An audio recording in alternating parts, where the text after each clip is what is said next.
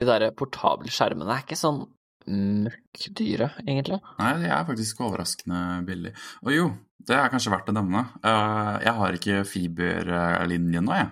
Eh, den har, eh, den har knekt, tydeligvis. Så ruteren jeg bruker nå, det er failover-løsningen til huset vårt. Oi, det er litt koselig Ja. at du har failover, da. Ja, 4G failover, sånn det skal være. Ah, det er gøy. Jeg har liksom fabla om det selv hjemme. For vi har eh, Det, det morsomme, da, vi har, vi har jo to fiberleverandører, egentlig, så vi kan velge. Så, så det har vært fristende å få de til å trekke to fiberlinjer, og så ha, ha failover eh, fiber til fiber til 4G. Ja, du får plutselig en sånn der bredbåndskostnad på sånn 2000-3000 i måneden bare pga. det. Ja. ja, det må man jo ha. Worth it. Worth it. ja, det tenker jeg. eh. Og så sånn der, sånn der unlimited eh, data på, på sånn, et eller annet sånn SIM-kort. Så sånn du kjøper en sånn billig Nokia fra 2003-type abonnement. mm, mm. Bare ja, gratis uh, internett, fordi den klarer ikke å bruke mer enn uh, 4 megabit i måneden. den klarer ikke å dytte det mer. Nei, det er sant. Men det er jo Det, det merker man jo fort når man begynner å kødde rundt med, med nettverk hjemme. Hvis man har på en måte familie som er relyer på det nettverket, så er det, er én ting som er viktig, så er det oppetid. Så uh, alt du gjør, må, må, må det, er som, det, er et, det er som en bedrift. Altså, du må considere alt eh, i forhold til oppetid. Du må ha en backup-løsning. Altså, hvis eh, switchen din dør, hva gjør du da? Åssen får ungen Netflix? Eh, så, så det, det har jeg begynt å merke, eller ja Spesielt når jeg har liksom begynt å investere i, Ubiquity-utstyr som jeg egentlig ikke er så Altså, jeg er ikke noe nettverksgeni, det skal jeg ikke skryte på meg. Og da, og da blir det på en måte det å kødde rundt eh, blir mye av det. Mm. Så, så da må man passe på. Det jeg ser, er at uh, IT-folk uh, sin familie outer deg òg. Hvis, hvis, du liksom, hvis, de, hvis de er med og snakker med dine IT-venner, og du sier liksom sånn Ja, nei, nettet hjemme er egentlig ganske stabilt, det går raskt, og bla, bla, bla, så outer familien deg. Og så er det sånn Ja, men det gikk ned forrige uke, når du bare skulle teste noe. Og så er det sånn Ja, jo, men det gjelder ikke. Det var Det er ikke det samme. Det er stabilt ellers når jeg ikke tester. Ja, nemlig. Nettverket som jeg har hjemme her, det har vært dritstabilt. Det er leverandøren som har kuka det til sånn fire ganger nå. Ja, Det er derfor vi har den, det er derfor vi har den 4G failover-løsningen, for vi har klaga et par ganger på det. Ja, det, har dere fått det av liksom nettleverandøren? Ja, eller- eller jeg har liksom ikke vanlig get-rute-type stil. Jeg er jo i kontakt med Global Connect og har linje direkte fra dem. Oi, ok. Gøy. Ja, Hva er Global Connect? Det er uh, HomeNet. Business-versjonen, er det ikke det, egentlig?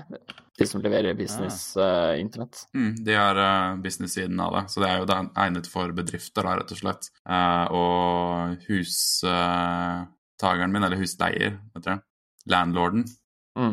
han har jo selvfølgelig en bedrift i bygget her, så derfor så bruker vi Global Connect da, istedenfor å bruke Get og sånt. Ah. Kult. Mm. Så da får vi en ganske fin deal, da. Og jeg, jeg er litt pissed også, fordi han pleide å ha en statisk IP med et eget subnett, eh, men så bestemte Global Connect seg for at eh, nei, dere trenger ikke et slash eh, 29-nettverk lenger. Det, det tar vi Ah. tilbake.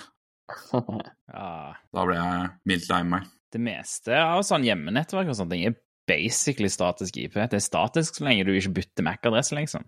Føler jeg. Du blir som regel senda Altså, IP-en din er som regel ganske statisk. Ja. Men Ja. uh, ikke alltid, da. Det er jo det som er problemet. Jeg har faktisk eh, uptime på to uker og fire dager, så her skal ikke noen komme og klage. På laptop, eller på maskinen du bruker nå? Ja, altså på nettverket. På nettverket? Og du bare Det er jo ikke så mye. Men jeg, jeg tror kanskje jeg tok, jeg tror jeg tok sikringa Ja, ja, Unify, vet du. Det er jo Eller Å ja, ja, du jo- sjekker det på ruteren, ja. ja. der Der har jeg drevet og restarta så jævlig i det siste, for jeg har hatt MDNS-problemer. Mellom nettverk. Det er det dummeste. Det har vært så jævlig plagsomt. OK, whatever. Uh, jeg skal ikke ta det opp nå. Nydelig.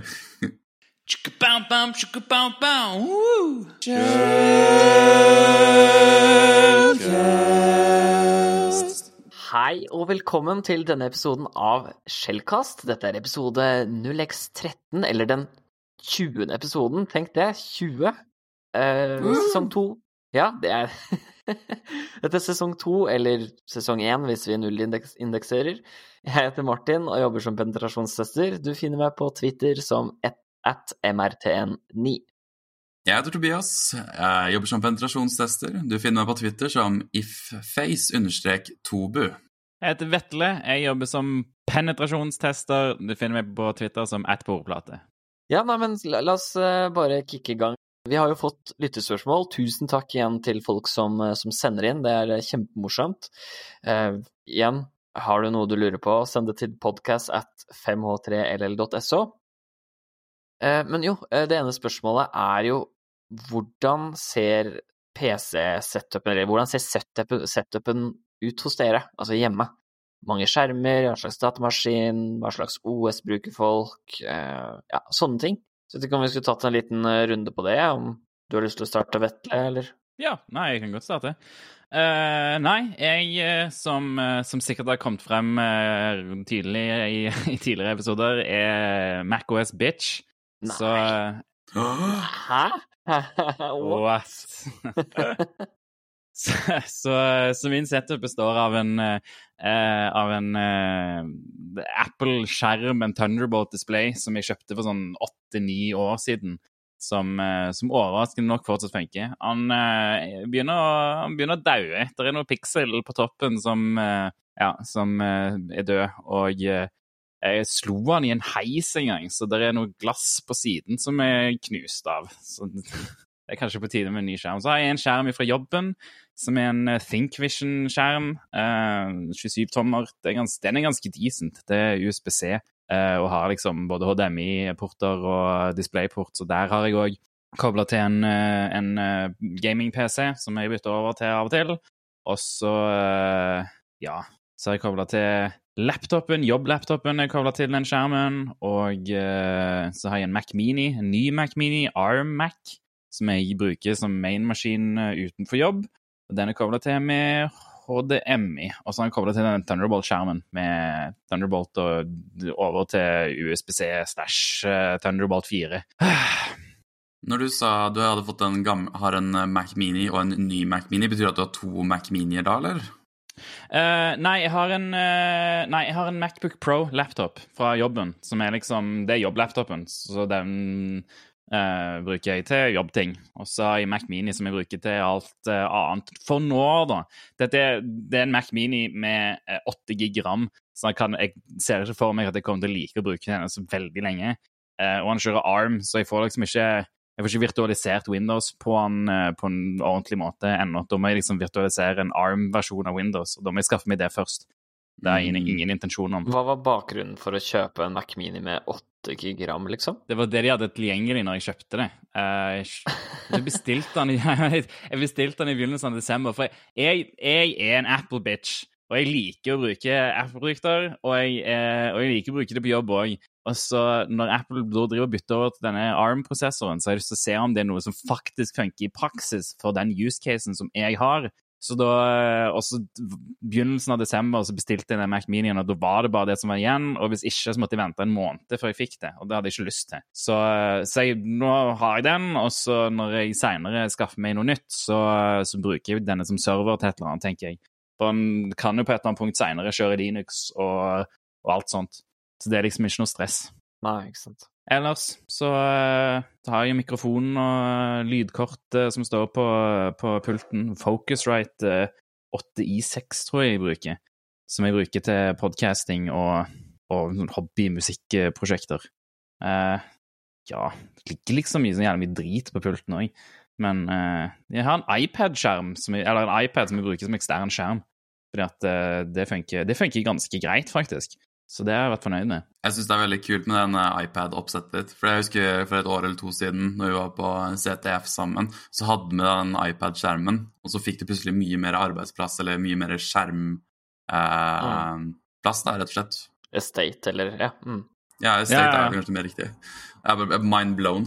ja, det er ganske digg. Jeg har hatt det med på eh, Når jeg har hatt oppdrag uh, utenfor kontoret, så har jeg hatt med iPaden som ekstern skjerm. Det funker dødsbra til liksom å ha småting på. Men det har vært jævla buggy på jobblaptopen, så jeg har måttet slutte å gidde å prøve å bruke det hele tatt, for det bare, det bare fryser. Og så er jeg nødt til å starte det på ny. og de gjør det etter sånn fem-ti minutter. Så jeg vet ikke hva som er problemet der. Det funker veldig godt med den nye Mac-en, så jeg skjønner ikke hva problemet egentlig er. Men jeg har ikke giddet å debugge det. Det har ikke vært verdt det. Men det har vært en veldig all right måte å ha en ekstern skjerm på, på til, til ja, andre oppdrag, i hvert fall. Jeg var på kurs uh, for uh, Det var i fjor, tror jeg. Og da hadde de en setup hvor du hadde en kurslaptop, og så hadde du en sånn ekstern skjerm, sånn USB tror jeg det var, eller et eller annet sånn USBC, litt usikker på hva det var for noe, som du på en måte sto ved siden av. Eh, så var kun, det var kun en skjerm med liksom strøm, og, og du plugga den i PC-en, så hadde du en ekstra skjerm. Og det, det syns jeg var virka ekstremt nyttig. Altså du da kan på en måte, ja, som du sier, da, ha med deg, ha med deg Ja, det er på størrelse med en stor iPad, da. Så du kan ha den i sekken ved siden av laptopen, og så kan du dra opp laptopen og den, så har du på en måte to skjermer hvis du er ute hos kunde. Så, så det virker ekstremt nødvendig. Det, det, er noe jeg skal skaffe meg sånn down the line, uten tvil. Ja, ja Når jeg er hjemme, så bruker jeg iPaden bare til Twitter og RSS, basically. Og ja, jeg bruker, jeg bruker faktisk RSS.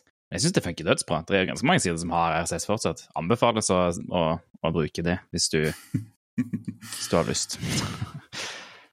Har du, har du, har du flere Apple-produkter? Oi, det, ja, nei, det ligger, det ligger faktisk Det er tre iPader på pulten min. Nei, la... Herregud. ja. Nei, men eh, det skal sies, da. Jeg har lyst på en Jeg har, lyst, altså, jeg har liksom gått og higa på en, på en, eh, på en iPad eh, Pro-type som, eh, som jeg kan bruke til Altså, egentlig, mitt, mitt liksom Det jeg ser at jeg hadde brukt iPaden min til, er å lese aviser. Eh, det hadde vært sykt hendig med liksom abonnement på, jeg vet ikke, Dagens Næringsliv og Aftenposten og sånt noe på, på iPaden, og så kunne lese den på en relativt grei skjerm, da. Det, det er likt. Så det, den er på en måte på min ønskeliste sånn down the line. Men det er på en måte eneste use case jeg har sett for meg at jeg skal bruke en iPad til. da. Så det, er derfor jeg ikke har kjøpt den ennå. ja, da er det ikke helt verdt det for en med en iPad Pro. Nei, det, det mangler litt, syns jeg, i Pro-apper uh, til iPad. Det, jeg skulle ønske typ, det var noe Altså disassembler og sånne ting til iPad som, uh, som man kunne lett bruke. Men det er liksom ingenting av det. Alt det må du gjøre over remote desktop eller noe sånt. Og, ja. Nei, det, jeg, jeg syns det, det, å bruke touch til å, til å, gå gjennom innhold, synes jeg er en, en, en mer eh, Jeg synes jeg er nærmere innholdet, på en måte. Og det synes jeg gjør det lettere å, å gjøre noe med. Så derfor føler jeg at en god app som hadde vært disassembler, eh, og reverse engineering tools på iPad føler jeg kunne vært ordentlig bra. Det kan jo være ordentlig, ordentlig drit, men det er liksom, da hadde, jeg vært, da hadde jeg vært på en ny iPad Pro med en gang, kanskje. Mm, interessant. Nok om meg, la oss snakke litt om deg. Tobias? Um, I motsetning til eh, Vetle så har jeg ikke så veldig mye Apple-greier. Tvert imot, ingenting. Wow! Hvordan lever du? Uh, helt utrolig. Jeg bruker skyløsninger og sånt. Huff a meg. Oi. Virtual desktops, det er favoritten min. Ja. Um, selve uh, mancaven, eller man hjørnet mitt da, i, i, leiligheten min uh, består egentlig av at jeg har en fin uh, senke- og hevepult. Den er som regel senket fordi jeg ikke orker å ha den hevet. Som mange andre regner jeg med også har det. jeg kjenner meg så godt igjen. Tenkte liksom å kjøpe den der for å være litt mer sånn sporty og litt mer ergonomi i hverdagen, men så ble det ikke sånn, da. Kommer til å stå hele tiden. Det kommer til å bli så sunn. Red Team Fit, am I right? Nemlig. Nei, så, Men type hardware og sånt, så har jeg jo to skjermer som jeg har fått fra jobben. Det er noen HP 21-tommer uh, eh, Ultra Sharp eller et eller annet sånt. Jeg syns ikke de er så skarpe, men det er vel uh, smak og behag der, eller vet dere. Forskjellige øyer. um, har kobla de en laptop i en ganske enkel dockingstasjon. Over selvfølgelig Thunderbolt uh, og hele pakka der. Det som er det mest imponerende med oppsettet mitt hjemme, er vel egentlig nettverksoppsettet, hvor uh, disse nettverkene er uh, segregert på uh, etter å ha så små nettverk som bare mulig. Så laptopen som jeg bruker fra jobben, det ligger på et slags 30-nettverk. slik at det, ikke går an å være noe man in the middle, unntatt ruteren, da, som alltid vil være in the middle. Samme forskjellige IOT-ting og tang, da. At de er på veldig små nettverk og helst sitt eget IOT-nettverk hver, da. Så Chromecasten er på et eget IOT-nettverk, og Sonos er på et annet IOT-nettverk, og så rett og slett sånt, da. Hvordan caster du til Chromecasten hvis han er på et uh, eget nettverk? Har du, altså, er det, har du mulighet for å ca caste til han, liksom? Hvordan funker det? Uh, du må bare sette opp MDNS til å gå inn på nettverket som du vil kaste til, men ikke tillate andre veien der, rett og slett. Ah, ok. Ja, ok. Ja, jeg har noe lignende, men mitt er ikke så paranoid på en måte. Men har Chromecast, For Chromecasten har til, tilgang til internett? Mm, den har lov til å snakke til internetten, da. Ah, ok. Ja, ikke sant? Jeg har vurdert å være litt strengere og si at den kun har lov til å snakke med skyløsninger, da, type Asher, Subnets og ja, YouTube Subnet og den delen der. Eh, men eh, jeg har ikke vært eh, Jeg har vært for lat, rett og slett, for å, for å komme dit. jo, men for det er det jeg syns er trist med Google, hele Google Casting-greiene, at de må ha internett. For jeg skulle ønske at telefonen din kunne være huben, sant? for den stoler du mye mer på enn en random device. Mm. Så hvis den liksom er proxyen for alt det For det er sånn, det er sånn Airplay funker, da. Uh, men jeg er igjen Apple-bitch. Så, så, mine enheter på IoT-landet uh, har jeg Airplay til, men da er, bare, da er det telefonen som er på internett og henter liksom musikk og sånn shit. Mm.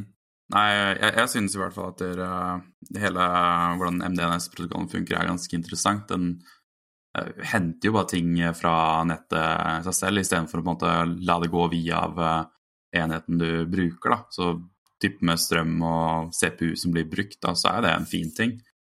Men uh, kan jo se at ikke alle ønsker det. Herpy derp, la oss snakke MDNS. ah, jeg har hatt så mye MDNS-problemer i det siste. Jeg klikker. Hva med du da, Martin? Har du noe kult oppsett hjemme, eller? Nei, er det så veldig kult, da? Jeg har uh, Jeg har drevet og migrert litt sånn halvveis mellom, mellom hjemme og, og jobb. Uh, jeg har liksom mye av det i hermetegn feteste har jeg, har jeg, på jobben. Der har jeg en sånn Samsung 43-tommers uh, sånn ultrawide kurva-skjerm. Som er sånn ja, super-ultra-bred, mener de vel at den er, da. Så det er ja, tre Hva er det? 3840 ganger 1200 eller sånt. Så en ganske, ganske OK skjerm. Uh, men nå har det jo kommet enda større igjen, så nå er jeg litt sånn på gjerdet om jeg skal oppgradere, men det er en annen sak. Uh, og så er jeg vel såpass enkel at jeg Der er det USBC, da, så jeg plugger bare i laptopen. Jeg har en ThinkPad T Hva er det for noe? T470S. Eller ja, to, for så vidt, som jeg bruker. En er Linux. Ubuntu 2004 eller noe sånt, og, og eh, Windows 10 på den andre. Og så er er jeg, den typen som har eh, liksom skjermen på en måte bakerst på pulten, og så setter jeg laptopen foran, og så åpner jeg den, og så bruker jeg laptop-tastaturet når jeg skriver. Så har jeg en sånn Logitech USB trådløs mus-greie. Uh, jeg, har liksom ikke, jeg har ikke tatt med meg det mekaniske tastaturet på, på jobb ennå. Det har jeg ikke følt for å utsette kollegaene for. Så Men det kommer vel til å skje etter hvert, det også, med noen brune switcher eller noe sånt, tenker jeg. Men jeg, jeg har en sånn uvane at jeg skriver veldig hardt, så jeg, jeg har liksom ikke trent av meg det ennå. Men uh, det kommer vel. Skrive hardt? Er sånn liksom Jeg, jeg bunner ut keys på en måte med mer kraft enn det behøver, da. føler du at du går gjennom tastet... Altså, har du ødelagt et tastatur noen gang? Nei, så ille er det jo ikke, da. Men det, okay, det, kunne, det, kunne, det, kunne, vært mye mindre lyd enn det der, da, på en måte, når jeg skriver. Ja, nei, skjønner, skjønner, skjønner. Men det hadde vært veldig gøy hvis du var liksom en av de som ødelegger tastaturet fordi du skriver for hardt. Ja, nei, nei, så ille er det heldigvis ikke. nei, så hjemme så Ja, hva har jeg der? Jeg har stjålet en Lenovo-skjerm fra, fra, en fyr på, i dette kontorfellesskapet. Det er også en sånn Think Vision-skjerm. Eh, og så har jeg en gammel BenQ Sensai 3-skjerm som jeg bruker på sida. Og jeg, grunnen til at egentlig hadde jeg bare den BenQ-skjermen, men så skulle jeg, eh, skulle jeg, forelese, og da var det ekstremt kjipt og Du får jo ikke powerpoint i sånn presentasjonsmodus og med liksom presentasjons- eller presenterview og det vanlige skjermbildet på én skjerm, av mm. logiske mm. grunner. Så, så, derfor så nabba jeg med meg en skjerm, også, sånn at jeg har to, så jeg kan liksom ha PowerPoint på den ene og presenterview på, på den andre. Så det er litt av bakgrunnen for det. Og så har jeg et sånn Logitech Brio webkamera som påståelig skal gi 4K, men, men, det er et eller annet sånn weird ass med, med den der hjemmemekka PC-en min for jeg vet ikke, Den er vel ni år eller noe sånt nå, den begynner å dra på åra. Og den liker ikke Den liker ikke USB 3-greia, egentlig. Så, så den, den, bare flimrer og tuller når den prøver å kjøre 4K-modus. Men den tar vanlig vanlig full HD er fint, da. Så det er som regel det du trenger på et webkamera. Um, og annet. Jeg har en sånn derre Blue Snowball-mikrofon som jeg håper jeg kan oppgradere innen rimelig tid. Um, den kjøpte jeg når jeg skulle lage YouTube-videoer da jeg gikk på ungdomsskolen, så, så den er moden for, uh, moden for å bli bytta ut snart. Men uh, ja, så det er vel egentlig det, ja, det var disse ThinkPadene, ja. Uh, ja, og så har jeg denne stasjonære, som stasjonær, som sagt, denne ni år gamle stasjonære PC-en fra videregående. Ja, ni år, ja, noe sånt. Tja, noe mer å melde? Jo, du, jeg har en Macbook Air, faktisk. 20, jeg tror det er late 2013, faktisk. Jeg kjøpte den da jeg begynte på, begynte på bachelorgraden min. Så, så, jeg brukte gjennom hele bachelor, bachelorutdanninga så brukte jeg Mac-en min, og har for så vidt alltid vært glad i Mac. Jeg syns det har vært en fin brukeropplevelse. Eh, ikke like knot som Linux til tider, og, og på en måte litt eh, funksjonalitet som Altså, det er både pent å se på og relativt kraftfullt, da. Det var i hvert fall det når jeg brukte, brukte Mac, men nå er det jo mest Linux det går i, da. Og I3, for de som lurer på det, som window manager. Fordi IT, nei, I3 for, for life. Hvilken stjerne kjører du, da? nei, det er jo Ja, nei, det er jo bare vanlig Ubuntu, da. jeg kjører ikke Arch. Kjører du på Ubuntu? Aha, ja. nei, du sa åh, nei. jeg skal være litt dum. Nå skal jeg være litt dum og si hvis du ikke bruker uh, Ubuntu sin window manager, hva er, altså, hva er fordelen slash ulempen med diverse distroer jeg skjønner liksom det, du har Debian, og det er fair, men, men hva gjør det om du har Ubuntu eller Kali, liksom? Hva er forskjellen der? Altså, det handler litt om hvilke sånn Ok, nå, nå, kommer Morten, som hører på podkasten. Han kommer til å sitte og le uh, av meg uh, når jeg skal prøve å forklare fordelen og, og ulempene med, med, ulike distroer. Men, men litt, av, litt, av, poenget da, er gjerne filosofien bak de ulike OS-ene, altså hvor, eller distribusjonene. Uh, type om, om, oppdateringer skal, skal, Altså hvor fort du får oppdateringer, uh, ja, package managere og, og, de tingene der.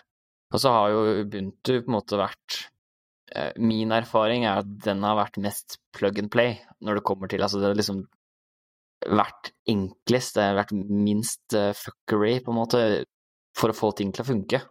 Så det er derfor jeg valgte å, å, å ha Ubuntu i bunn, egentlig. Um, for jeg kjørte Arch en stund, og det gikk fint, det, men det ble liksom litt mer knot enn jeg gadd. Det er liksom det er samme grunnen til at samme som Eller litt av samme filosofien som at jeg, jeg har en iPhone, liksom. Fordi at jeg vil at telefonen bare skal funke. Jeg, jeg har ikke noe behov for å kjøre custom rom på telefonen min, på en måte. Så sorry for at ja. jeg tråkker på noen tær der, men det, det, er jo enten, det er enten iPhone eller custom rom. Eh, ja, ja, ja, ja. Det er, ja. ja, men det er ingen som kjører Android, liksom Samsung Android, liksom helt rett ut av boksen, er det det? Ja, det er kanskje gjerne, no, gjerne ingen som burde, men uh... Nei, ja, nei ja, ja.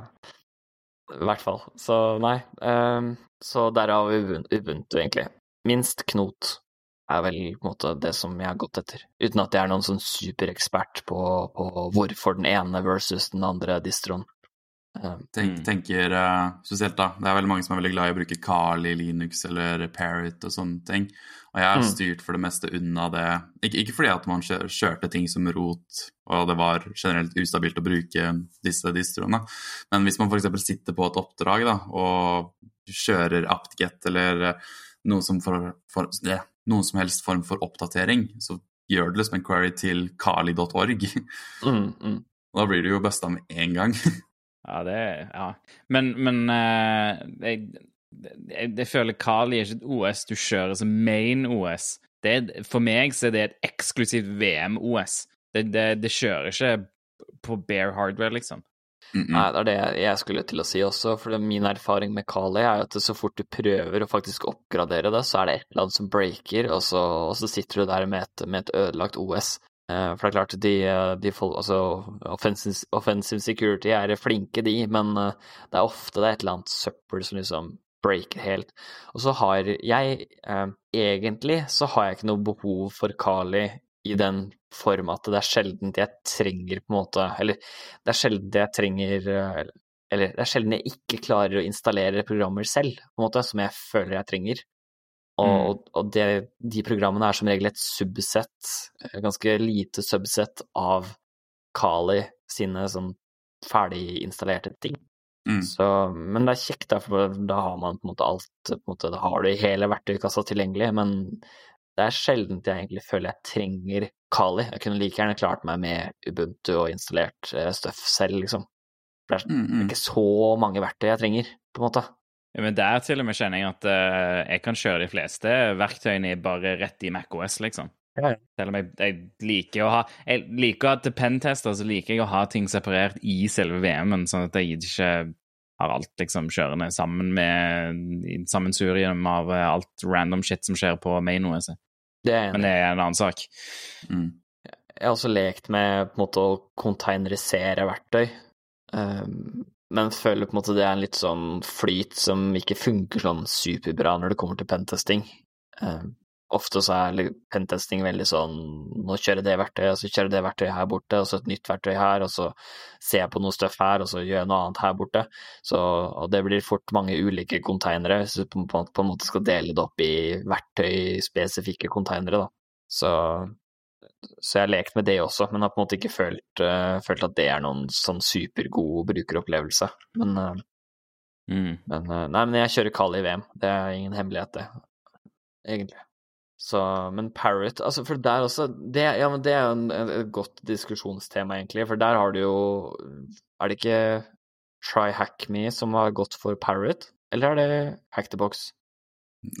Det er Hack the Box som har gått for uh, Parrot, mens uh, Try Hack Me har uh, fått uh, Kali på sin skulder.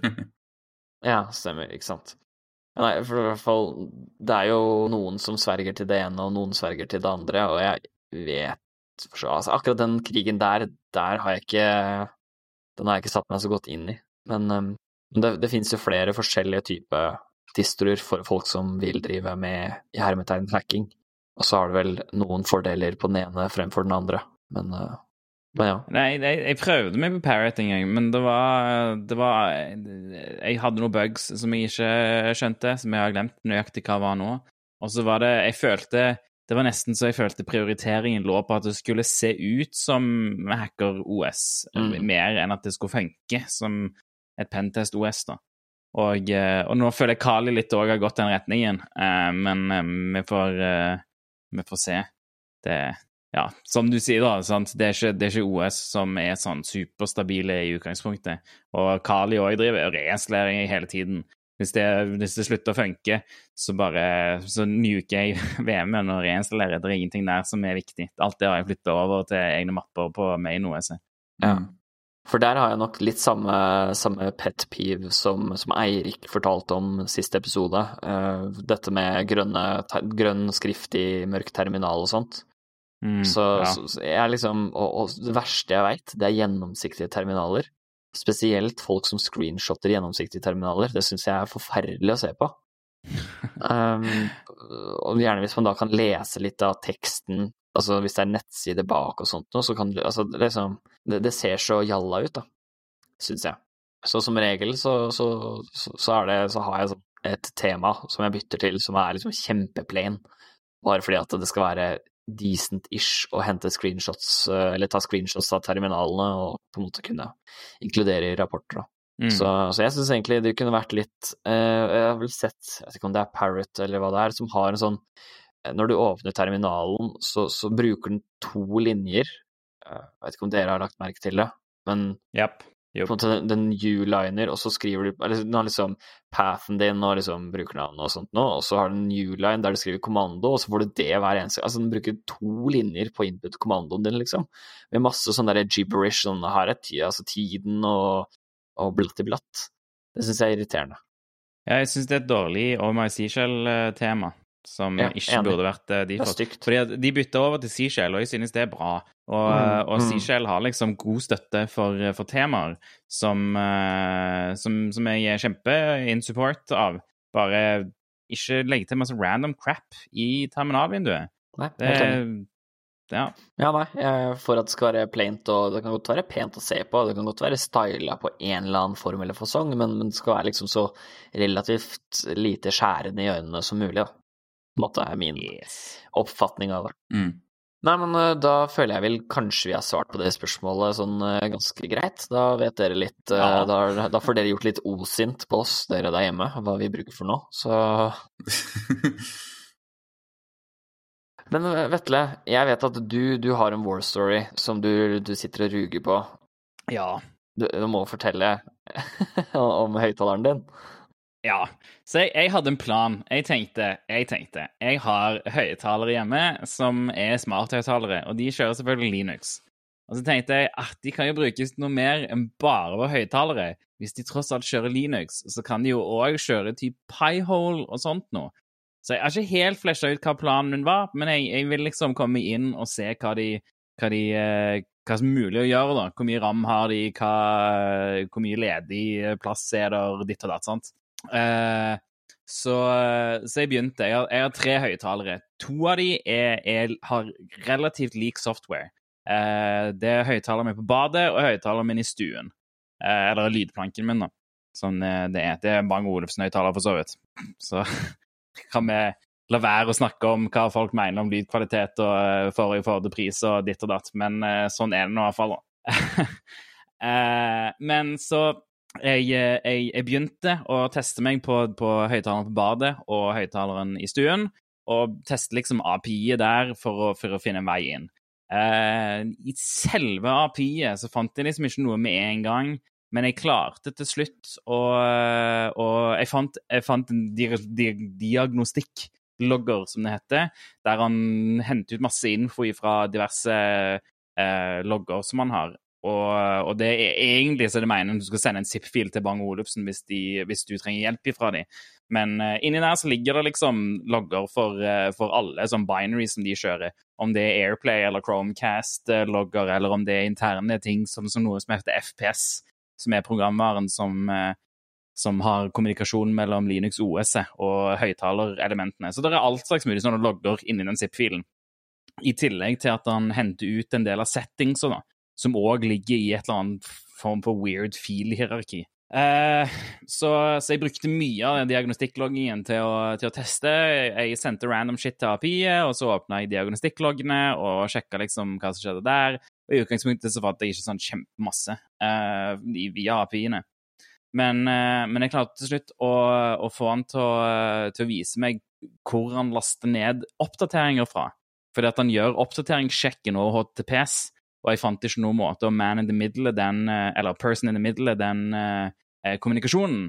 Så eh, Men det sto i, i diagnostikkloggen nøyaktig adresse til hvor han henta oppdateringen fra, over, over HTTP av alle ting.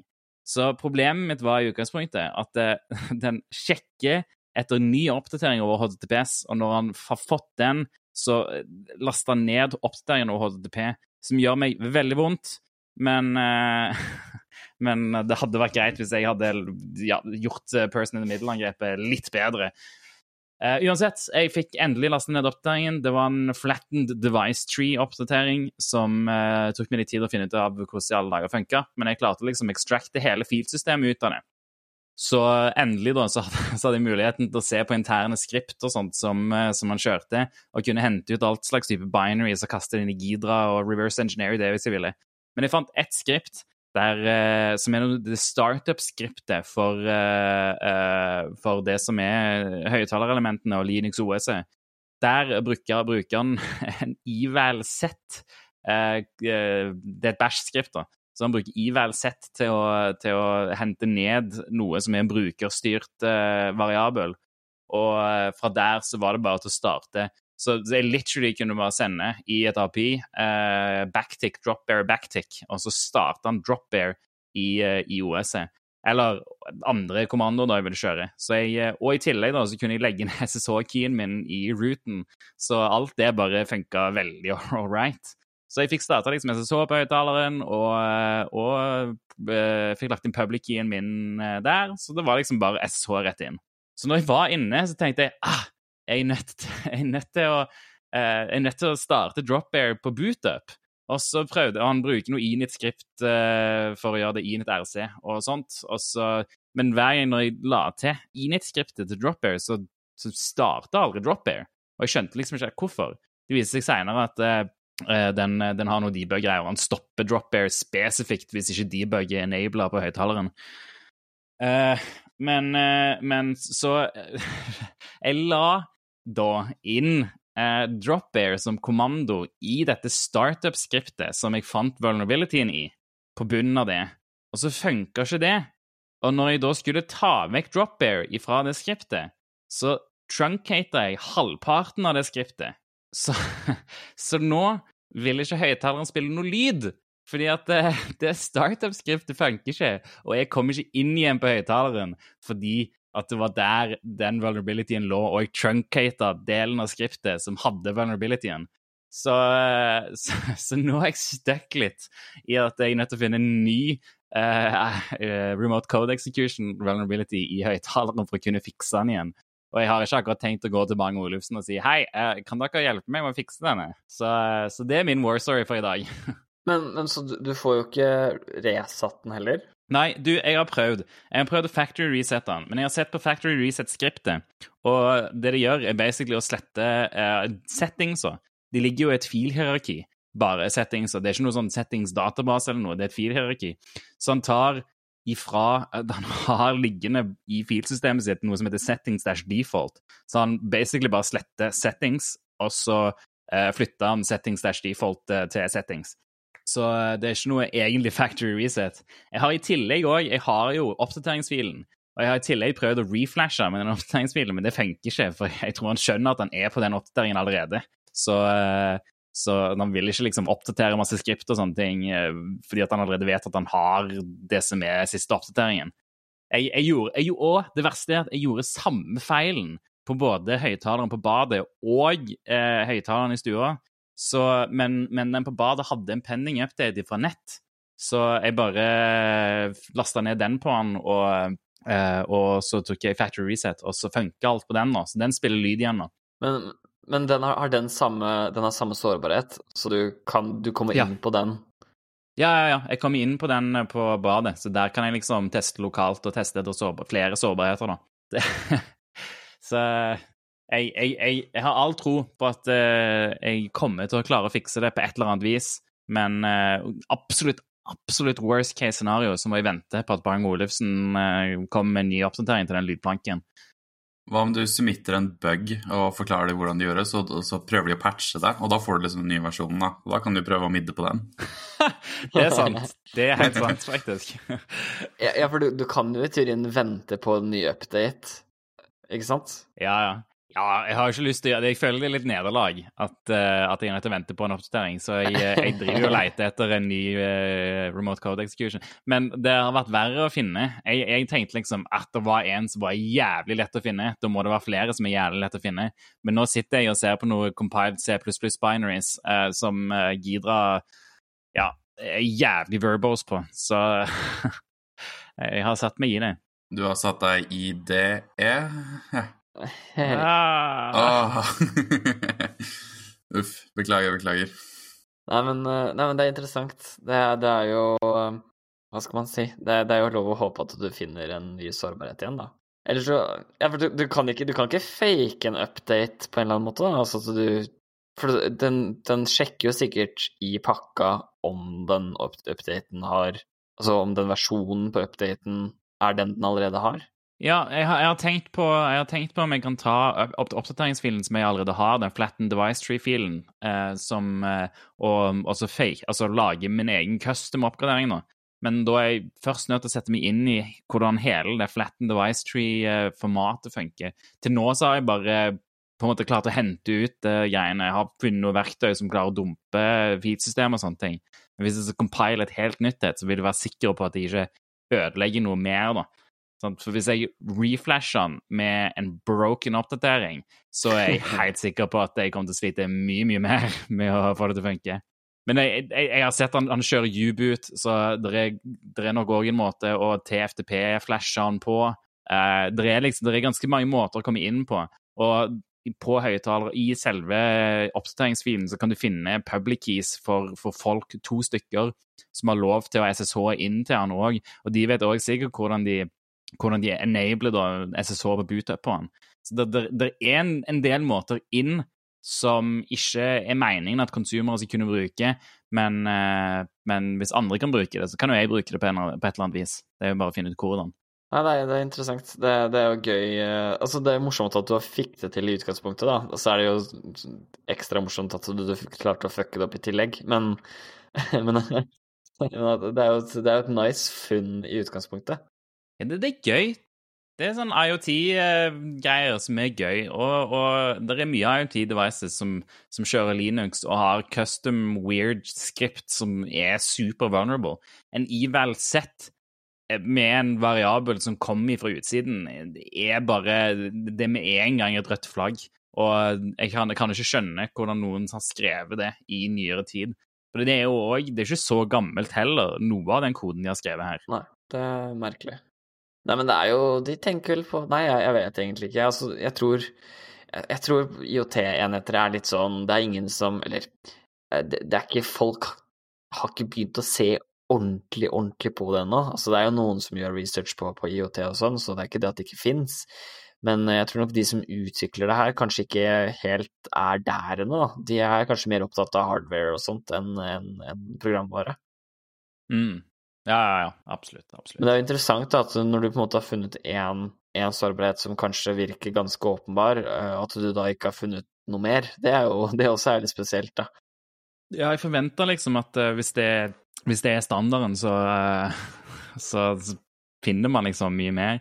Men ja, nei, jeg vet ikke. Det var, det, var, det var, ikke sånn at jeg følte at alt annet var så veldig sikkert. Det var bare at jeg følte de tilfeldigvis ikke brukte funksjoner som kunne vært sårbare i, i noen av de andre skriptene. Så vi får se, da. Nå har jeg eh, Det tar så mye lengre tid når jeg går Jeg går jo gjennom dette C++-API-et som de har skrevet, og det er alt det er compiled. Uh, Gidra har vært veldig flink til å gi meg namespaces og sånne ting som, uh, som har vært i der. Jeg har opplevd ofte at, uh, at Gidra ikke har vært så veldig god på C++ uh, compiled binaries før. Og, men nå føler jeg at jeg, jeg får mye mer. og det, og det kan godt hende det bare er måten uh, Bang Olufsen har compiler dette på. Men, men, jeg, men, men, det tar liksom så lang tid å sette seg inn i koden og forstå liksom hvordan de hvordan er det de registrerer hvilke URL-er API funker på. Det er jo dressed API.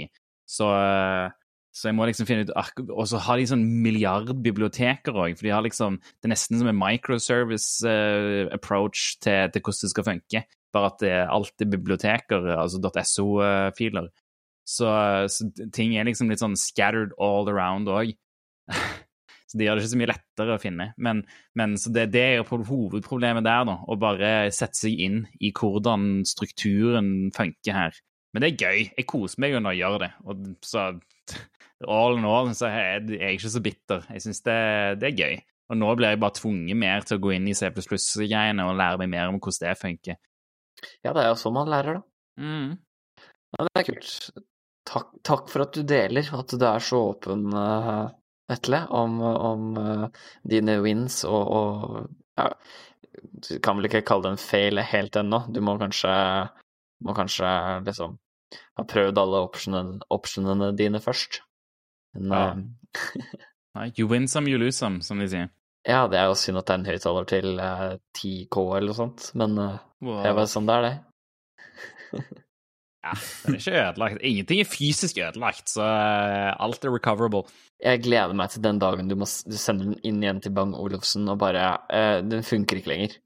Eh, please fix. Det, det, jeg hadde aldri fortalt det til noen. Det hadde vært såpass nederlag at uh, jeg hadde ikke fortalt det til en sjel. det er godt at du ikke sitter og snakker det offentlig på en podkast, da. ja, men vit at hvis, hvis, jeg, hvis, jeg, måtte gjort det, så hadde jeg aldri sagt det. Jo, jeg hadde det. Jeg hadde det. Ja, men Da hadde vært gøy å sett liksom forklaringen sånn uh, Hei, den funker ikke lenger. Altså sånn Nei, hva har du gjort med den? Jeg har ikke gjort noen ting. altså, OK, da får du sende inn igjen. Har du prøvd å factory resette den? Nemlig. Har du oppdatert den siste versjonen? Jepp. Eller så kan du sende dem mail og så be de om, om de kan pushe en oppdatering som fikser script igjen. Altså, liksom Kan dere være så snill og bare Jeg er litt redd for, det, for at, eh, at han selektivt bare oppdaterer de tingene som er ny, nye. Sånn at hvis Ja, det ikke er noe nytt i det skriptet, så oppdaterer han det ikke. Men jeg hadde vært overraska hvis han gjorde det sånn. Det virker som en veldig avva måte å gjøre noe på som du ikke trenger å gjøre, egentlig. Jeg skjønner det hvis du, hvis du, har, hvis du har en versjon som du allerede er på, så gidder du ikke egentlig oppdatere. Men det er så rart at høyttaleren later som han oppdaterer. Han bruker lang tid og, og, og går liksom gjennom 0 til 100% og gjør random hopp og sånne ting, som man gjør når man oppdaterer. Altså, jeg bare synes det er så rart at han driver og later som han oppdaterer når han ikke egentlig gjør det. Det sånn psykologisk sånn derre Ah, ja, dette her eh, Altså, hvis, Ja. hvis, opp, hvis oppdateringen går, går fort, så er det noe der er det liksom Ah, da var det en Ah, da hadde jeg ikke trengt å oppdatere. Hvis den går sakte, så er det sånn Å, det var veldig og mye oppdatering det skulle være, da. Så er det å finne liksom en sånn sweet spot i midten. En sånn psykologisk eh, aksept, altså, aksept hos, hos eh, sluttbruker. Men hvorfor, hvorfor gjør det hele tatt Jeg er jo litt overraska over at han i det hele tatt sier at han oppdaterer, når han vet at det Han vet jo lenge før han har starta noe prosess, at det er samme versjonsnummer i den oppdateringen jeg lasta opp, som han allerede har. Så hvorfor sier han ikke bare fra yo, dette er samme oppdatering, altså dette er samme versjonsnummer, du, du trenger ikke den oppdateringen? Da hadde jeg lagd det, så hadde jeg bare nekta å oppdatere. Det var sånn, Dette er samme versjon, ikke oppdater. Ja. Nei, det, det er vel Jeg vet ikke hvorfor de har gjort det sånn. Det er interessant. Men eh, igjen, det er nok sikkert uh, no offense til Bang, Bang men uh, det kan hende de er mer glad i hardware enn en, uh, software. Så det er kanskje derfor de ikke vet bedre, kanskje. Ja. ja. Nei, jeg, har, jeg, jeg er generelt sett ganske fornøyd med Bang Olufsen-softwaren. Eh, både app og, og, og på høyttaleren synes jeg har vært relativt stabilt. Det er jo høyttalernes svar på Apple. Altså, det er jo møkkdyrt. Ja, det er jo det. så det. ser det sånn Det ish det. pent ut. Altså, ja. Og det bare funker, sikkert. Ja, nei, ja, altså, det er jo kjempe-Apple. Det er jo ikke rart at jeg som er så Apple-fan òg har Bang Olufsen, det går jo nesten hånd i hånd. Det høres veldig Føler jeg, da, i hvert fall. Nei, nå, nå skal vi hoppe over til nyheter, skal vi det? Det syns jeg vi kan gjøre. Nei, men eh, så Forsvaret, forsvaret har tenkt å outsource hele IKT-en sin, eh, skulle jeg si, til de skal kjøpe IKT for 5-16 milliarder kroner. Så det blir eh, spennende å se. Jeg synes det høres eh, ja, nesten litt tidlig ut innenfor IT. Jeg synes fortsatt med IT-bransjen som en helhet er veldig ungt. Og, eh, og det, I hvert fall når man tenker på sikkerhet, så, så ser det ut som det er nå vi begynner å vokse i modenhet. Og, eh, og at Forsvaret tør å eh, i det hele tatt eh, outsource IKT-en sin i, i det miljøet som vi er i nå, synes jeg er, er ballsy. Og jeg synes det er litt tidlig. Jeg synes de kunne venta ti år, liksom. Forsvar, forsvaret jo, skal jo eksistere for alltid med Norge, regner jeg med. Så at de er så på ballen på liksom skal outsource det nå, synes jeg er tidlig. Cyberforsvaret skal for så vidt fortsatt uh, være Cyberforsvaret og holde, holde styr på alt av uh, sikkerhet innenfor Forsvaret, men at de uh, at jeg, jeg føler man mister liksom litt kontroll når man outsourcer, og, og og jeg skjønner ikke at det er en kontroll Forsvaret har lyst til å miste allerede nå. Nei, det er jo et spesielt eh, strategisk valg, det er det ingen tvil om. At de, det handler jo på en måte om hva de anser som hva er vår core business da, i, i Forsvaret. Er det, er det å drive og drifte IKT-infrastruktur, eller er det noe som vi er bedre tjent med å, med å kjøpe inn? Og I guess de har konkludert med at det er bedre å finne en eller annen tilbyder som kan, eh, kan eh, ja, provide IKT og den, ja, løsninger innenfor det, da. Så har de jo, men det er klart, siden det er Forsvaret, da, så har de jo De, de skal finne tre kandidater.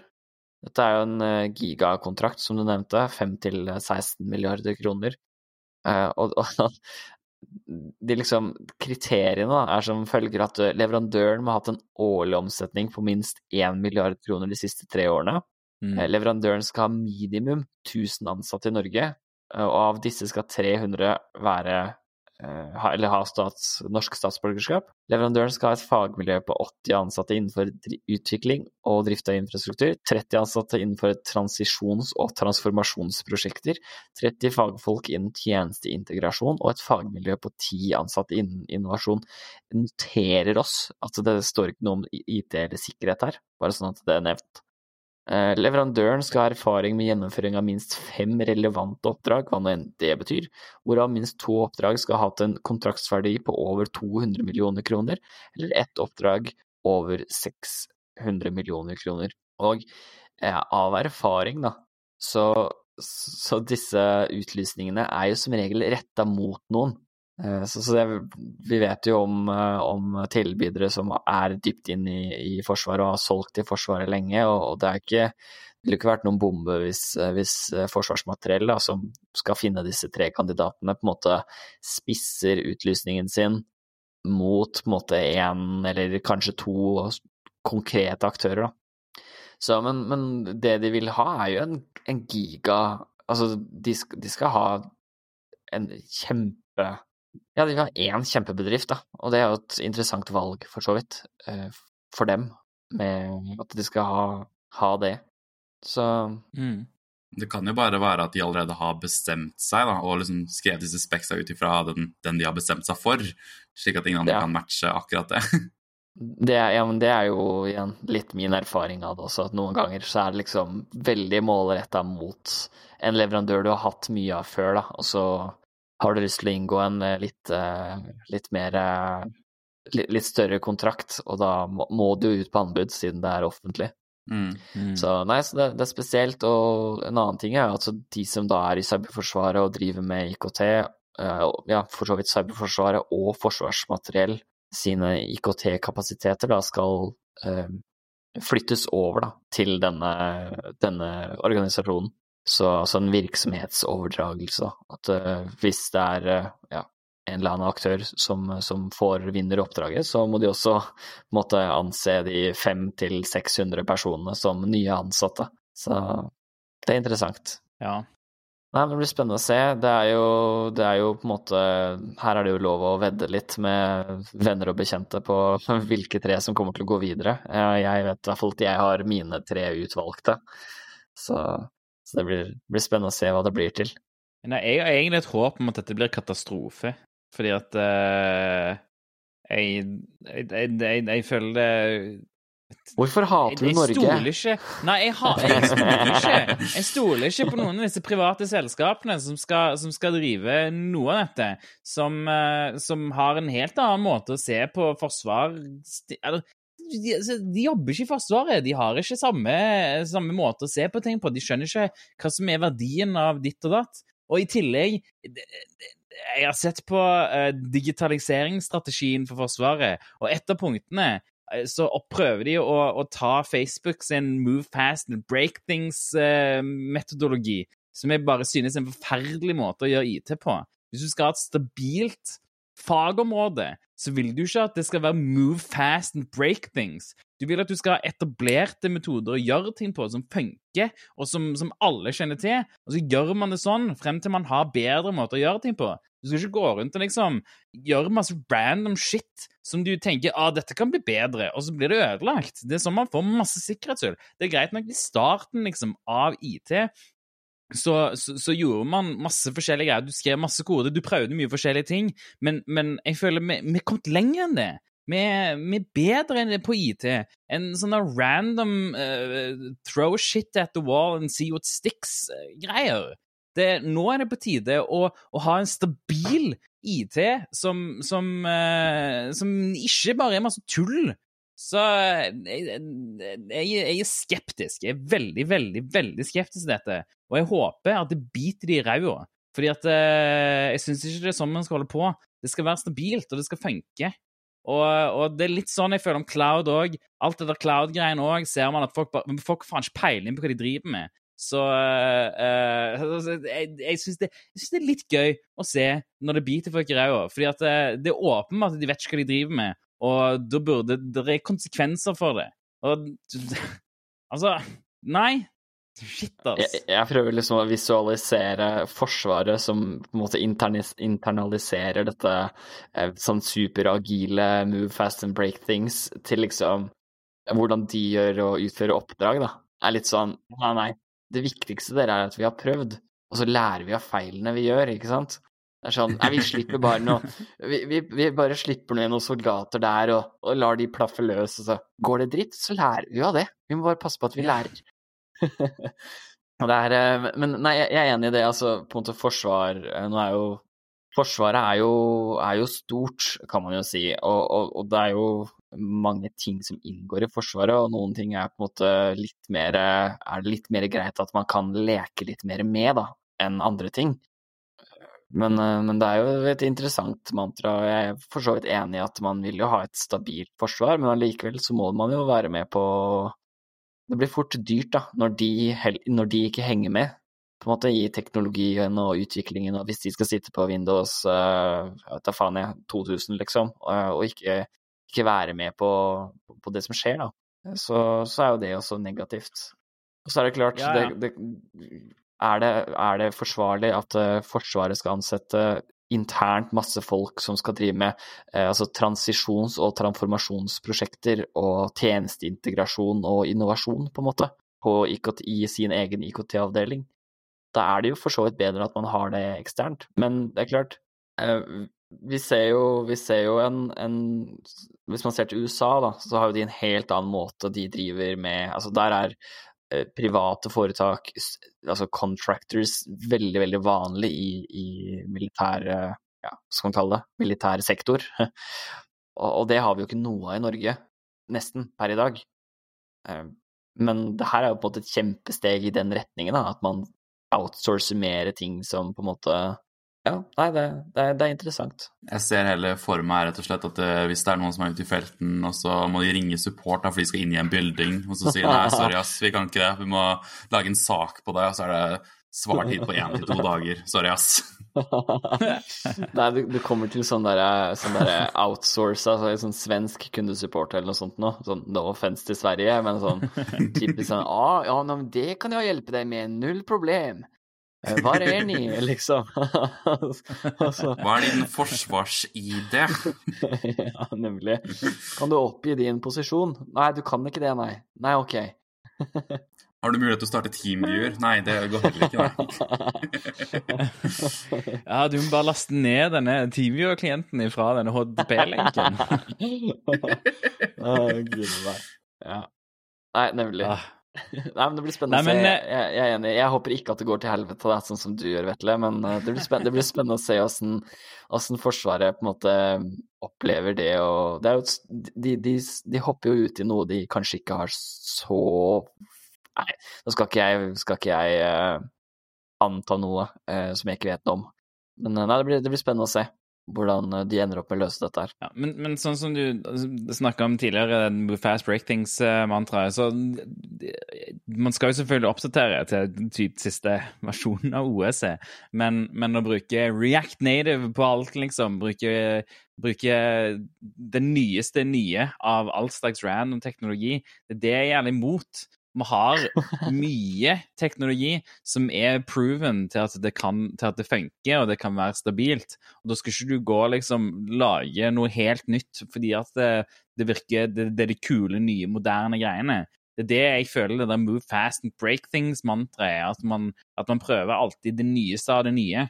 Og vi trenger det ikke. Det nyeste av det nye er for folk som sitter og tester ting på hobbybasis nå.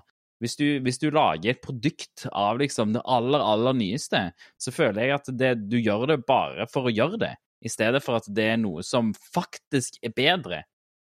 Nå føler jeg, jeg Nå tråkker jeg på noen tær her, altså.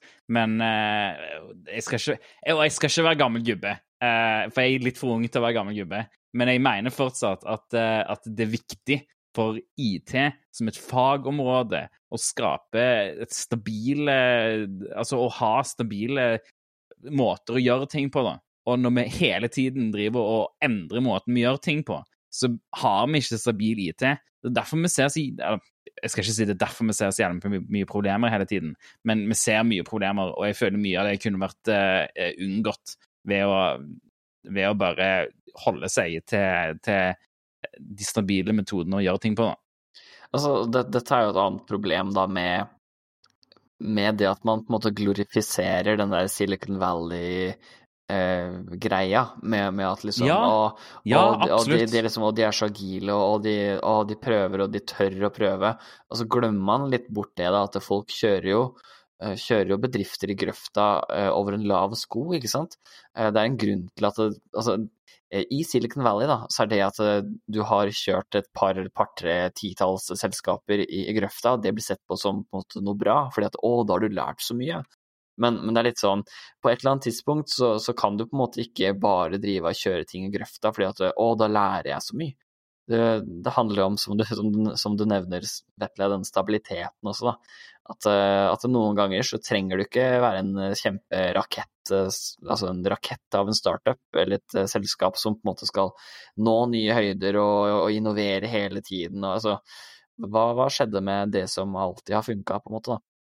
Men Mm. så er jeg altså men, og, det er, og det sier jeg, men så er jeg ikke imot innovasjon, men jeg er på en måte en innovasjon som er eh, Hva skal man si eh, Ikke baserer seg på at, eh, at eh, målet er å drite seg ut.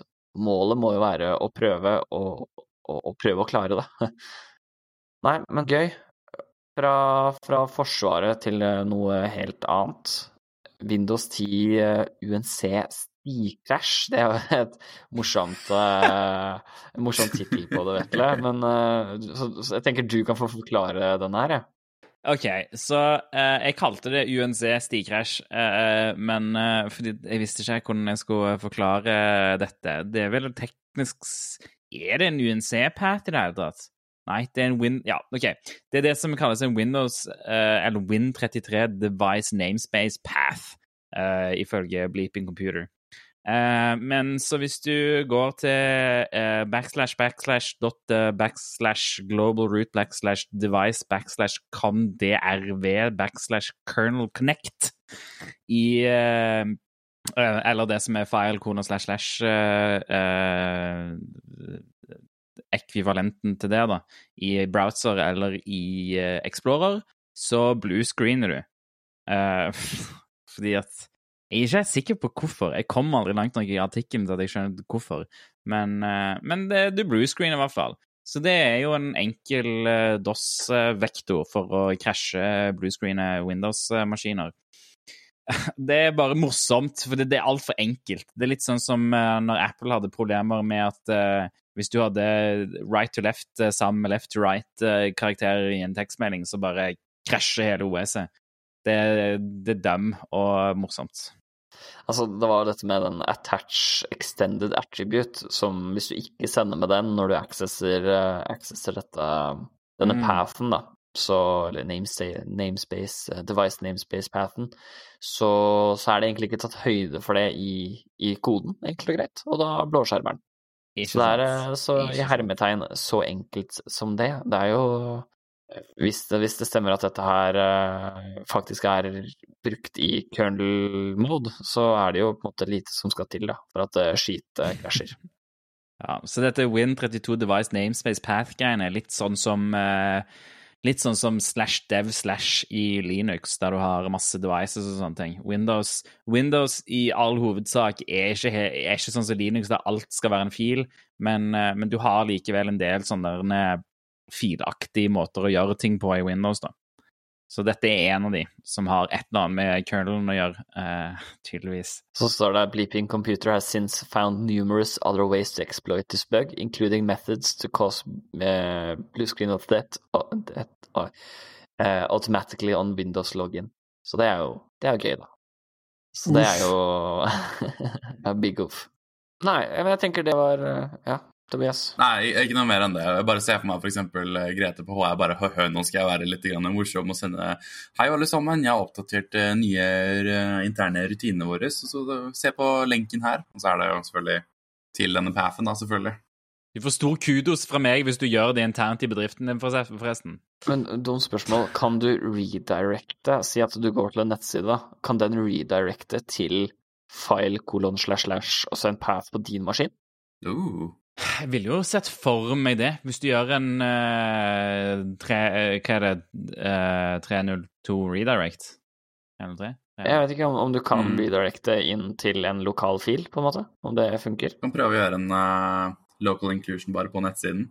Ja, for det jeg tenkte jo Da kan du i teorien på en måte krasje Windows 10 for alle som Ja, si, si, du, si du har tatt et intranett eller noe sånt, da, som gjerne loader automatisk på PC-er til folk. Eh, Sånn når du booter, så popper Windows eh, Internet Explorer opp med, med intranett-forsiden, på en måte. Så man da har tilgang til den, da, og bare inkluder som en redirect i et bilde eller en iframe eller whatever til denne, denne pathen. Så jeg vet ikke om det funker. Det har vært gøy, da. Nei, det, altså, det har vært måter tidligere å få Internett Explorer til å sende deg SMB credentials. Uh, så jeg ville, nest, jeg ville sett for meg at uh, det er, er mulig. Det er i hvert fall mange vektor over, uh, over masse andre. Altså, typ, hvis du sender noen en file slash slash slash lenke i på Teams, så er jeg sikker på at den resolver. Hvis, du, hvis noen trykker på den, selvfølgelig. Men, eh, men ja, Jonas Lykkegård er det som har funnet denne, da. Eh, han heter Jonas Lyk på Twitter. Han eh, er fra Danmark, ifølge min altfor mye doksing på LinkedIn. Så han hørtes så norsk ut at man var nesten nødt til å sjekke opp hvor han kom fra. Men han er dansk, da, og er en del av Secret Club, som er en non-profit reverse engineering-gruppe. Ja, de er mye kult, Så altså.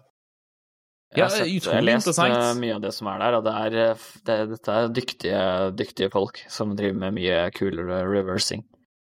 Ja, så vi har lenker til både The Secret Group og Jonas Lykkegård på Twitter. Anbefaler dere å ta en titt der. Ja, så har de jo eh, på en måte, hva skal man si, ikke skjedd igjen, men det har vært litt, litt mer snakk om, om kyberangrep mot, mot Norge i de norske mediene den siste uka. Først og fremst så vil vi med jo Kyber med K, ja. Det, det er det sånn man skriver kyber, det, i, i Norge. Så nei, for der eh, Først og fremst kan vi ta denne Sønsteby-prisen, da. Det er jo litt grann gøy. Ja. Eh, Dette er en pris eh, som ifølge Sønsteby-prisen selv deles ut til en person eller organisasjon som i handling har fremstått som en modig forsvarer av de grunnleggende verdier i vårt demokrati, herunder holdt forsvarsviljen levende og bidratt til at vårt forsvar trygger landets frihet og uavhengighet. Og prisen er da navngitt etter eh, en av de norske krigsheltene under andre verdenskrig, Gunnar Sønsteby, for de som, som lurte på det. Eh, Men, men poenget, da. Denne prisen har jo da gått til eh, elleve ulike statlige og private institusjoner som jobber med cyberforsvar. Eh, Deriblant PST, NSM, Etterretningstjenesten, Telenor tror jeg var der, NTNU har også blitt inkludert i prisen. Så i hvert fall en, en rekke kule Ja, så Norma Cyber, det derre nye som går på sikkerhet på måte på, på sjø. Det var Gud. Det var en forferdelig forklaring av hva nordmenn Norma Cyber er. um, nei, altså, som går på norsk maritim sektor, da. Det kan vi heller kalle det det, da. Altså, eh, ja. Det maritimt cybersenter, som, som det heter. I hvert fall. Uh, og, og i den forbindelse da, så har det blitt gjort et intervju med Sofie Nystrøm, eh, Nystrøm, hun som er avdelingsdirektør i E-tjenesten, hvor hun sier det at Russland har tusenvis av cyberkrigere og Norge på mållisten. Og jeg, må jo innrømme at når jeg leste dette første gang, så leste jeg Norge på mail-listen, og tenkte sånn Ok, ja, det Hvor er unsubscribe-knappen, kan man si? Ja, nemlig. Så Nei da, nei, men det er jo gøy. Det er jo morsomt at eh, det er eh, på en måte en pris som anerkjenner den jobben som de som driver med cyberforsvar, både i privat og, og, og statlig sektor, gjør, da. For det er jo det er jo ofte Det er fort vekk at man glemmer litt bort disse hemmelige tjenestene. Men eh, jeg tror, jeg tror det er viktig å, ja, så de også blir anerkjent. Og det har, har en, antageligvis en god effekt for for uh, cyberforsvaret, vil jeg tro. Altså at uh, ungdommer kanskje får øynene opp for, for at du kan, du kan, jobbe med kyber i, i, Forsvaret også, og utdanne deg til, til å jobbe med, med kyber. Så, så, det er gøy. Ja. Så har jo NSM vært ute, da, og advart Eller NSM har sammen med Digitaliseringsdirektoratet og KS, som er kommunens, kommunesektorens organisasjon, gått ut og på en måte sendt et varsel til alle norske kommuner hvor de advarer om løsepengevirus. For nå har jo på en måte Østre Toten-saken begynt å gå en liten stund. Jeg mistenker at norske kommuner i hvert fall en, en, del av norske kommuner kanskje skjelver litt i buksene, for det kunne jo sikkert skjedd der også, vil jeg tro at mange tenker.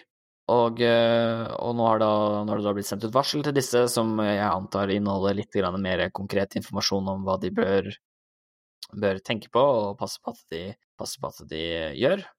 Og det morsomme her er jo Eller vi snakka om det her sist, og, og, de var ganske åpne på hva som hadde skjedd. Vi, vi analyserte det jo litt i forrige episode av, av Skjellkast, med liksom ja, lateral bevegelse og bruk av PowerShell-skript for, for, å på en måte ja, prøve å eskalere rettigheter og, og sånne ting. Så, så, det er veldig spesielt. Jeg, jeg, er jo spent på om vi får noe mer informasjon, altså public informasjon om hva som har skjedd på en måte utover eh, Jeg regner med Nå har jo IOC-er og sånt nå sikkert blitt delt eh, på kryss og tvers av, av sektorer og sånt allerede, via NSM blant annet. Men eh, det er fortsatt interessant da, å se om det kommer til å gå noe mer offentlig ut for, for oss folka på gata. Men jeg, men jeg, forstår ikke helt hvordan, disse, hvordan, hvordan forsvarer små kommuner seg? Hva, hvordan er det, for Nå er alt så, så, såpass desentralisert, og jeg så vidt jeg skjønner nå, så har hver kommune sitt eget ansvar for IT. Hvordan, hvordan i alle dager skal enhver bitte liten kommune kunne beskytte seg mot, uh, mot noe som helst, da? Har, hvis du har en bitte, bitte liten kommune med én IT-fyr som i tillegg eh, er økonom, liksom, hva, hvordan, skal de, hvordan skal de beskytte seg mot, ja. uh, mot noe som helst? IT-sjef og rådmann. ja, ikke sant? Det er liksom, det, det er for mye for én person å gjøre. Det, det å, å, fokusere på sikkerhet og i tillegg kunne, kunne bygge nyttige tjenester for Altså hvis du jobber i bedrift, eller uansett hva du jobber med, det er vanskelig. Du, du kan ikke fokusere på alt. Så, så, så jeg, jeg, forstår ikke helt hvordan, hvordan, man, hvordan, man, skal forsvare seg, da. Så det er jo Jeg vet ikke, vi har vel en 300 og er det 365 kommuner eller sånt nå i Norge nå, og eh, mange av kommunene eh, drifter nok på egen hånd, som du sier.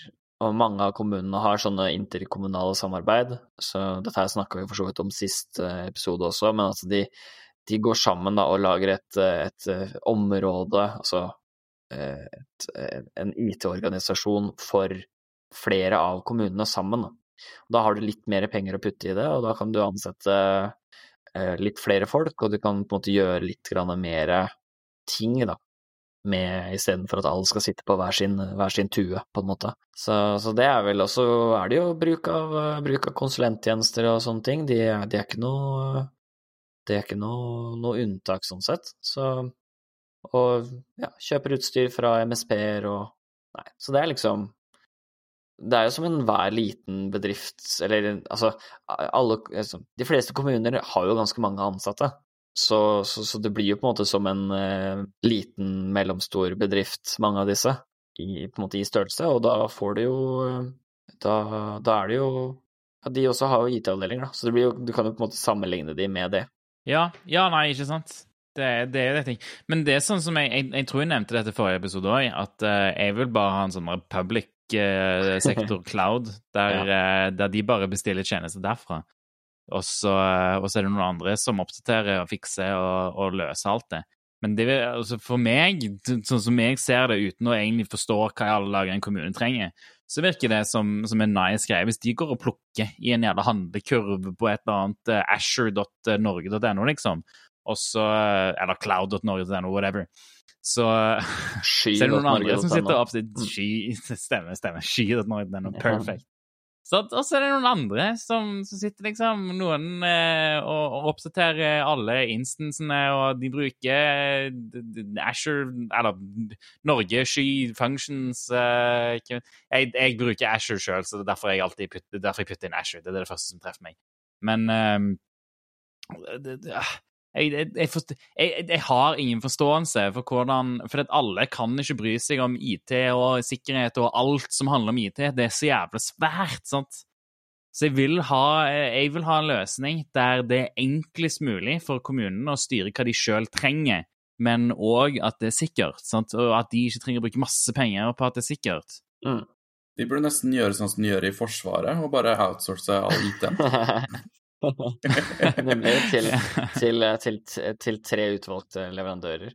Nei, men altså, jeg føler jo Vi, vi, vi hitta jo på det her ganske greit i forrige, forrige episode. Ja, gjorde, så, de som er interessert i å høre den diskusjonen, anbefaler sterkt til å hoppe en episode tilbake og, og, høre den. Hvor vi på en måte snakker om, snakker om dette her, da. Så jeg tror, jeg tror vi legger den, legger den, ballen død for denne gang, så får vi ta det opp en, en annen episode igjen hvis det kommer noe mer snacks i nyhets... Uh, jungeltelegrafen.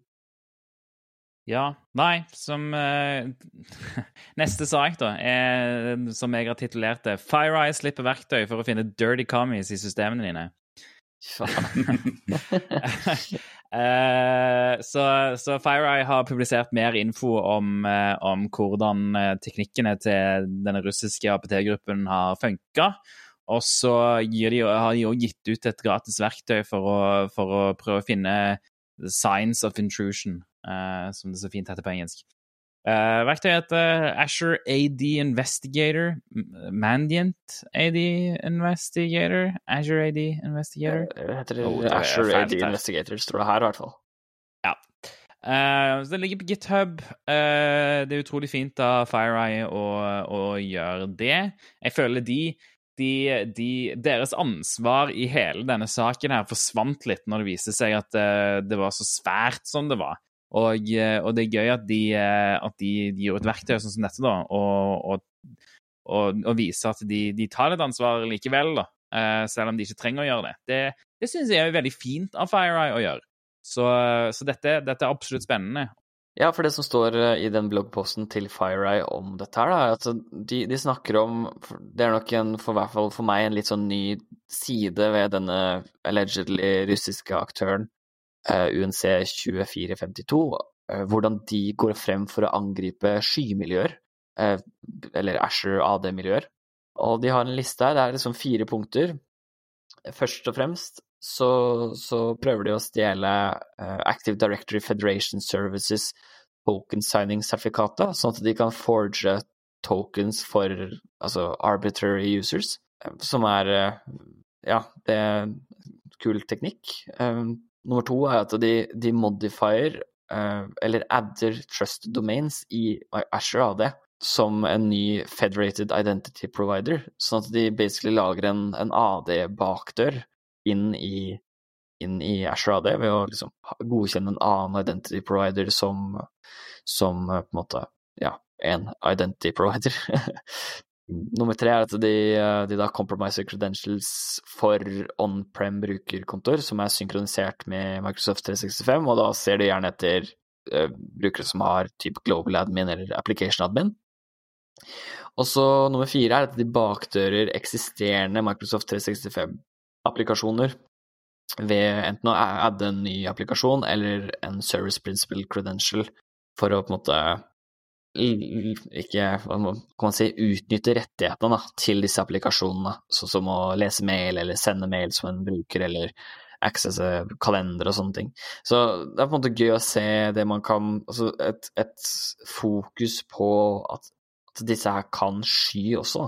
Eh, ganske interessant. Ofte så ser man at det er, det er mye sånn AD-spesifikke eller on-prem-spesifikke ting som blir diskutert. Jeg tar Østre Toten for den saks skyld. At du, det, er, det er veldig sånn nettverks-innsidetestaktige ting.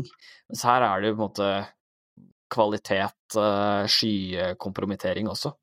Så det, det, det, sier litt om kapasitetene til, til denne ukjente threat actoren Så det er gøy. Så nei, anbefaler å ta en titt på både bloggposten og dette skriptet. Det er sikkert eh, skader sikkert ikke å kjøre det hjemme i ditt eget uh, selskap, i tilfelle man skulle finne noe, finne noe snusk. Det er vel Sjansen er vel sikkert ikke sånn megastor, men man vet jo, vet jo aldri. Men det er jo, det er jo morsomt. Altså, disse teknikkene er jo interessante å, å notere seg, da. For det, det, er jo åpenbart, siden de bruker de, så, så bærer de jo frukter. Så det er jo verdt å ta med seg både når man skal penteste et selskap, eller om eh, hvis man på en måte på den blå siden skal prøve å detektere ondsinnet aktivitet, så er det ja, så vil jeg sørge for at jeg i hvert fall kan detekte disse fire tingene på en eller annen måte. Så det er kult. Godt jobba, FireEye. De har jo virkelig eid, føler jeg, de har virkelig eh, eller hva skal jeg si, eid, owned up to denne Solar Leaks eller Solar Winds-sårbarheten, eller eh, supply chain-angrepet. De har liksom ordentlig kommet seg opp, og liksom nå styrer de narrativet, da. Så det er ganske mm. imponerende gjort av FireEye. Det skal de ha creds for. I begynnelsen så så det jævlig dårlig ut. I begynnelsen så, så, så kom de ut, og så sa de vi har blitt hacka, eh, og så tenkte alle oi, uh, det er jævlig dårlig. Men så, så, viser det seg at mange, mange har blitt hacka, og FireEye var bare den første som fant ut av det. Ja, alle andre har blitt hacka, og så har de ikke funnet ut av det i det hele tatt. Sånn som Microsoft, for eksempel, som ikke har funnet ut av det. Så FireEye her kom ut, og, og de, de oppdager det fort. Og de viser at de er bedre på å oppdage det enn det Microsoft er. Og, så, og de, så de, har kommet, de har kommet veldig godt ut av saken her.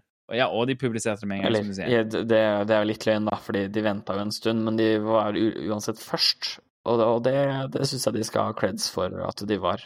Så, så nei, det er, det er, imponerende. Det har liksom snudd. Uh, og jeg, jeg, husker jeg calla de ut på dette her når, da, når den nyheten ble sluppet, at jeg håper de viser ansvar og måtte gir oss mer info, og det har de gjort. Det kan ikke klage på det lenger, føler jeg. Nei, jeg er absolutt eh, enig. Så Nei, jeg, jeg, jeg, jeg har vært imponert over hva, hvordan FireEye Fire har, har, eh, har, gjort dette og håndtert det. Og jeg, jeg, tror de, de, gjerne De så noe vi andre ikke visste når de først publiserte saken. Så jeg tror de hadde null stress med å publisere den det de har uh, klart å bevise veldig godt, det er at de er en veldig kul arbeidsplass, i hvert fall. Det, mm. det er ikke noe spørsmål om, i hvert fall. Nei, absolutt. Og, og FireEye og Mandiant har uh, mye veldig, veldig flinke folk. Og er vi jo på en måte Det er vel ingen løgn å si at de er vel blant de ledende på, på de tjenestene de tilbyr i, i verden. Så veldig, men veldig imponert over hvordan FireEye har håndtert dette her. Og så får vi håpe de fortsetter å være så flinke og snille fremover også. Så de lever opp til eh, mm. Shell eh, seal of approval, rett og slett? ja, helt riktig. Sånn stamp. Kanskje vi skal begynne å sende dem coins når de gjør noe bra? Det, ja, de lurer på hvem, hvem pokker er det her som sender eh, Men du, apropos det. Shell burde jo Vi burde jo, vi burde jo definitivt uh, samle sammen noe penger og så få, lagd Shell-coins. Sånne challenge-coins med Shell-logoen på. Mm. Det hadde jo vært, vært kult. Og kanskje med den derre den der grønn, nei ikke grønn, blå-rød glitch-fargen også, i sånn, sånn eh, ja, reflektiv eller ja, gjenskinnaktig glans, da, på en måte. Det hadde vært sykt kult. Ja. Men hva, hva er det challenge coin Jeg har en challenge coin fra Trusted Sec. Men jeg er bitte litt usikker på hva poenget er. Hæ? Hæ? Hæ? Nei da. Nei, altså, challenge coins eh, kommer jo på en måte fra militæret, da, som er en slags uh, sånn uh, medalje, på en måte, fordi at du har vært med på noe eller gjort noe, eller Altså en slags achievement, da. Okay. Ah, okay, som regel. Okay. Så i sans sammenheng for eksempel, så hvis du, hvis du vinner, vinner NetWars, eller hvis du vinner den derre siste dagen Da er det gjerne CTF, den siste dagen av et kurs, så får du gjerne en coin.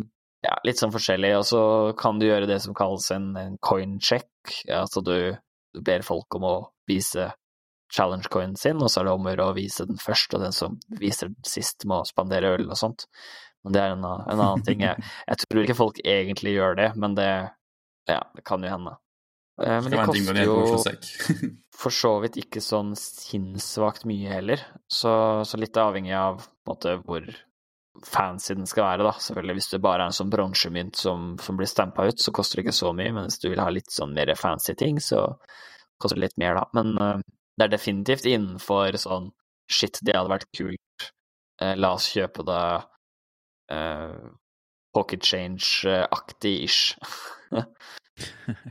kan jo f.eks. prøve å få tak i 50 mynter, da, som vi kan dele ut til forskjellige folk. Kanskje sende i post for de som spesielt ønsker det. ta gjerne og Send oss tilbakemelding da, om det er faktisk noe dere kunne tenkt dere. Altså ja, dere som gir lyttere. Mm. Det har vært uh, kult. Ja, er... eller, uh, eller, vi burde egentlig også ha en uh, Shell sånn derre merch store, hvor du kan få hvit kaffekopp med Shell-logoen på. Det også hadde vært, ja. vært kult. In before vi ser det på Red Bubble. ja, Nei, altså, hvis folk, vært, hvis folk, er gira på merch, så er jeg gira på at vi gjør en sånn merch-periode. merch men, men, da må folk være gira. Uh, og ja, så, og det, jeg vet ikke hvordan vi får tilbakemelding på om folk girer på merch. Hvis noen er gira på merch, gi oss tilbakemelding! Er du gira på merch, send oss en e-post på podcast at 5h3ll.so, eller at oss på Twitter 5h3llcast. Har du bidrag, spørsmål, kule war stories, send dem gjerne inn. Jeg tror vi må avslutte denne episoden for denne gang. Eh, tusen takk for at du hørte på, at vi skravla litt, og vi lyttes igjen neste uke.